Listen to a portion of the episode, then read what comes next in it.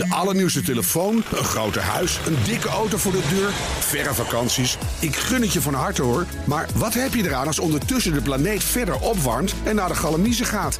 Wil je echt weten hoe het zit en wat we eraan kunnen doen? Luister dan naar BNR Duurzaam. Elke maandag tussen 3 en half 4 op de radio en altijd online als podcast. Want die volhoudbare wereld, die maken we samen. BNR Duurzaam wordt mede mogelijk gemaakt door Milieuservice Nederland. De ondernemende afvalpartner voor zakelijk Nederland.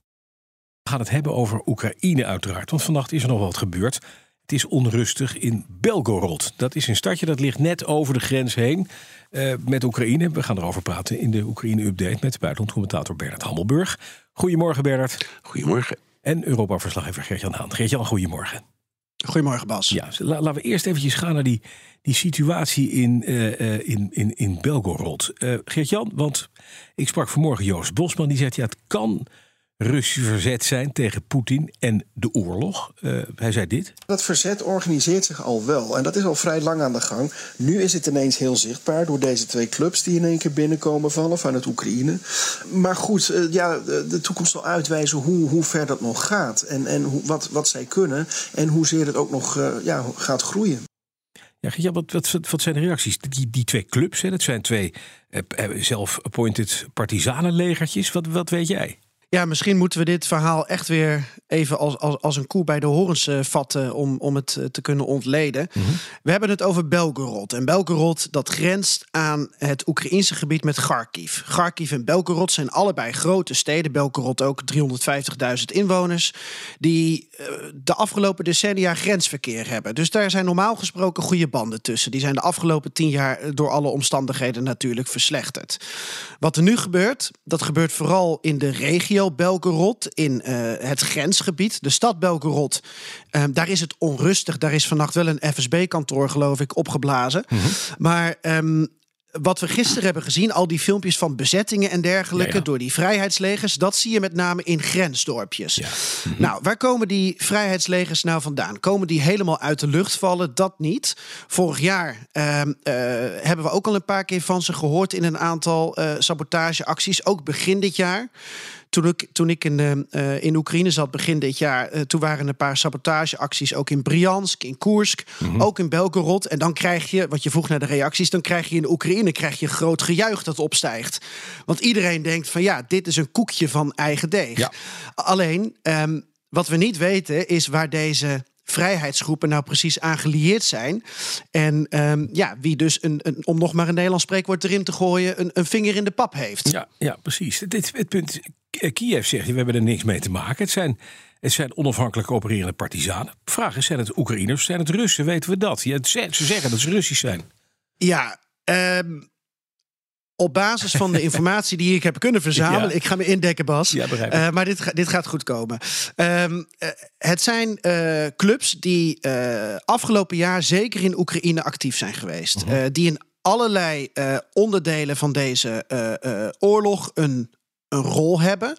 Uh, ze hebben ook uh, vorig jaar, dat noemden ze zelf, een soort Irpin-declaratie getekend. Irpin is die voorstad van Kiev, die bezet is geweest aan het begin van de oorlog. En daar hebben al die vrijheidsclubjes gezegd: Nou, we gaan de krachten op een bepaalde manier verenigen.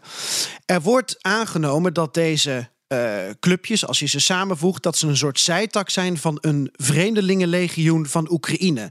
Een buitenlands uh, uh, ja, legioen dat, dat een soort van zelfstandig opereert. En daarbinnen zouden deze lui dan ook weer zelfstandig opereren. Mm -hmm. En wat je dus ook hoort aan de reactie vanuit Kiev, is dat, dat er wordt gezegd: we zijn hier niet direct bij betrokken. We weten hier niet direct iets van. Oftewel, er zijn wel lijntjes. Alleen ja, ja. Uh, misschien hebben ze de vrije hand om te doen en laten wat ze willen, om te stoken wat ze willen. En dat komt Kiev natuurlijk goed uit. Ja, nou, er zegt een woordvoerder, meneer Peskov van het Kremlin, die zegt: dit is afleidingsmanoeuvre om de aandacht van Bachmoed weg te krijgen. Dat legde ik ook voor aan Joost Bosman, die zei dit. Kan ook de aandacht afleiden zijn van de komende counteraanval. Uh, de tegenaanval die al maandenlang verwacht wordt van de Oekraïnse kant. Misschien heeft het daar ook wel mee te maken. We zijn hier nu aan het vechten. Laten die Russen daar uh, de aandacht afleiden. En intussen gaat er ergens anders een, aanval beginnen. Ja, Bernard, in dit spel zijn alle, alle opties open hè, wat dat betreft. Maar het Kremlin maakte zich zorgen om zo'n aanvalletje van partisanen eh, legertjes in. eh, ook al is het om de, om, de, om de aandacht af te leiden van Bakhmut. Nou, ik, ik, ik betwijfel of het, of het Kremlin nu erg zenuwachtig wordt. Ja, precies. Ehm, het is een beetje ingewikkeld om na te gaan wie het zijn. Wat je net met Geert-Jan ook uitvoerig besprak. De Britten die komen net met hun dagelijkse update. Die houden het inderdaad op partisanen. Ehm, er gaan ook verhalen, maar die komen dan weer uit de Oekraïnse eh, kant. Dat het eigenlijk een soort van neonazistische eh, eh, knokploegen zijn. Een beetje zoals die Azov-groep aan het begin van de ja, oorlog. Ja, ja, precies. In Mariupol. Ja, precies. Ja. En ehm, kijk, het, het, het strategisch betekent het niet zoveel. Eh, dat het afleidt, dat is zeker. Mhm. daar, daar heeft Joost ook gelijk in. Ehm, alleen eh, als je kijkt naar waar de Russen mee bezig zijn. Die zijn bezig met het op, opbouwen van een echt redelijk magistrale verdedigingslijn. Helemaal langs die grens. Mhm. Dus als daar af en toe speldenprikken in worden gegeven, dan is dat vervelend. Maar het is niet iets waar ze zich echt zorgen over maken. Eh, de, de, de retoriek is wel interessant, omdat de Russen zeggen: ja, eh, dit maakt gewoon onderdeel uit van. eh, de, Oekraïnse, ik zou maar zeggen, krijgsmacht in totaal. En Oekraïne heeft een beetje de houding van wie, wie, wie zijn dit ook weer? Oh ja, nee, daar hebben we eigenlijk niks mee te maken. maken, nee. nee. Dus dat is een beetje het spel. Ja, wat, wat Ja. Joost net ook zei, hè, heeft dit enige impact op een, een eventueel Oekraïns offensief? Dat is ook de vraag. Hè? Nee, dat geloof ik niet. Niet, Ehm, nee, het, kijk, de, de vraag, niemand is weet, we hebben het steeds maar over, dat offensief, niemand weet precies eh, hoe je het moet definiëren, hè, hoe het eruit gaat zien, wat het wordt. Ehm, het- het- het- aan- er wordt dus, het is een hele modellen nu gepubliceerd, die, die vind je overal online ook, over eh, de vier of vijf plekken waar zo'n aanval zou kunnen beginnen. Hoogstwaarschijnlijk zou die eerst beginnen op de Krim en zich dan uit- uitspreiden over een aantal andere eh, punten. Maar wa- wa- waar iedereen op let is die enorme opbouw van de Russische krijgsmacht Ja. langs het front. De aanleg van al die nieuwe. Eh, eh, Antitankwallen en dat soort dingen. Antitankwallen Ja, en loopgraven. En ga ze maar door. Dus de- ze, ze, ze bereiden zich daarop voor. Mhm. Ik denk eerlijk gezegd ook niet precies dat, dat zij precies weten waar het nu begint. En dat is ook onderdeel van eh, hoe een offensief werkt. Hè. We gebruiken steeds het voorbeeld van Normandië in 1944. Mhm. Hè, dat was wat je noemt een ouderwetse offensief. Toen kwamen er dus duizenden soldaten aan. Eh, de- Van schepen het land op richting Duitsland. Ja. Maar dat was voorafgegaan door allerlei bombardementen uit de lucht. Mhm. Het was voorafgegaan door een enorme misleidingsmanoeuvre... waardoor de Duitsers dachten dat het in Calais zou gebeuren... Ja, en niet door Normandië. Dus ja, dat soort technieken zullen ze hier ongetwijfeld ook gebruiken. Ja. Mag ik nog één kort eh, ding toevoegen over wat er in, eh in Belgorod gebeurt? Want ik maak me grote zorgen over dat BNR hier nu bij betrokken is geraakt. Ehm, Want de Oekraïners die melken dit helemaal uit met al hun eh, PR-filmpjes en social media gebruik. Jullie weten misschien wel dat toen. ehm, een deel van Donetsk werd bezet of van Lugansk. Toen werden dat DNR en LNR, eh, Luhansk Volksrepubliek en Donetsk Ja. Volksrepubliek. Je voelt hem aankomen. Ja, ik voel maar. Ik kreeg dus van vrienden allerlei posters door. Make BNR great again. Belgorodskaya Narodnaya Respublika. Wij zijn dus bij de oorlog betrokken geraakt. Eh, ik kreeg ook al de vraag van eh, andere journalisten... of wij nu eh, in onze statuut iets hebben staan... over of wij een eigen land mogen bezitten. Er is ook al een volkslied van BNR opgetuigd.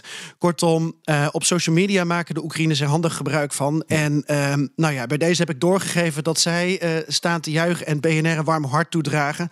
Al gaat het om een andere BNR. Zeker. En wij ontkennen verder alles. Nou, even naar iets anders. Want eh, Bernard, zes Afrikaanse landen hebben zich nu gemeld met het oog op vredesbesprekingen tussen Rusland en Oekraïne. En die willen dat Oekraïne het begin van vredesbesprekingen met Russen accepteert. Ook al zijn die Russische troepen nog steeds op Oekraïns grondgebied. Zegt een Ja. woordvoerder van Ramaphosa, hè, de Zuid-Afrikaanse president. Ja, ja dat, nou, laten, we, laten we vooropstellen dat het ontzettend sympathiek is dat ook vanuit Afrika, dat zich toch redelijk stil heeft gehouden. Mhm. Ja. Of eigenlijk meer pro-Russisch is geweest in de, de afgelopen periode. Ook geluiden komen van landen die zeggen: "K- kunnen wij niet iets betekenen? Mhm. Ehm, het, het feit dat ze eh, zelf zeggen. Dat de Russen zich niet hoeven terug te trekken voordat er onderhandelingen komen, maakt dat eh, de conversatie al meteen weer eindigt. Ja. Omdat Oekraïne misschien zou zeggen: ja, eh, eh, dat is nu niet het geval, maar het is wel het uitgangspunt. Ja. Als dat niet het uitgangspunt is, ja, dan hoeven we er helemaal niet over te gaan praten. Dus sympathiek.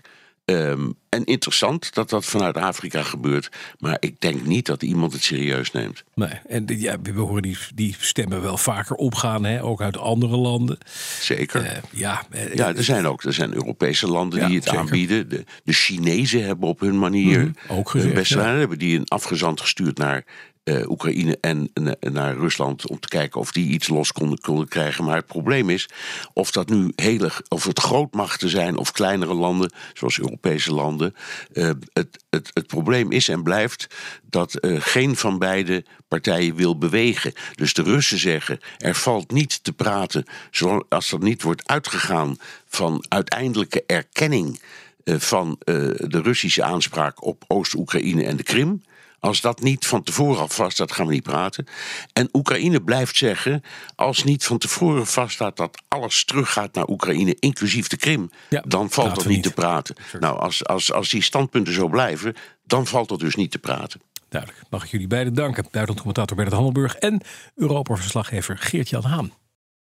De allernieuwste telefoon, een groter huis, een dikke auto voor de deur, verre vakanties. Ik gun het je van harte hoor. Maar wat heb je eraan als ondertussen de planeet verder opwarmt en naar de galamiezen gaat? Wil je echt weten hoe het zit en wat we eraan kunnen doen? Luister dan naar BNR Duurzaam. Elke maandag tussen 3 en half 4 op de radio en altijd online als podcast. Want die volhoudbare wereld, die maken we samen. BNR Duurzaam wordt mede mogelijk gemaakt door Milieuservice Nederland. De ondernemende afvalpartner voor zakelijk Nederland.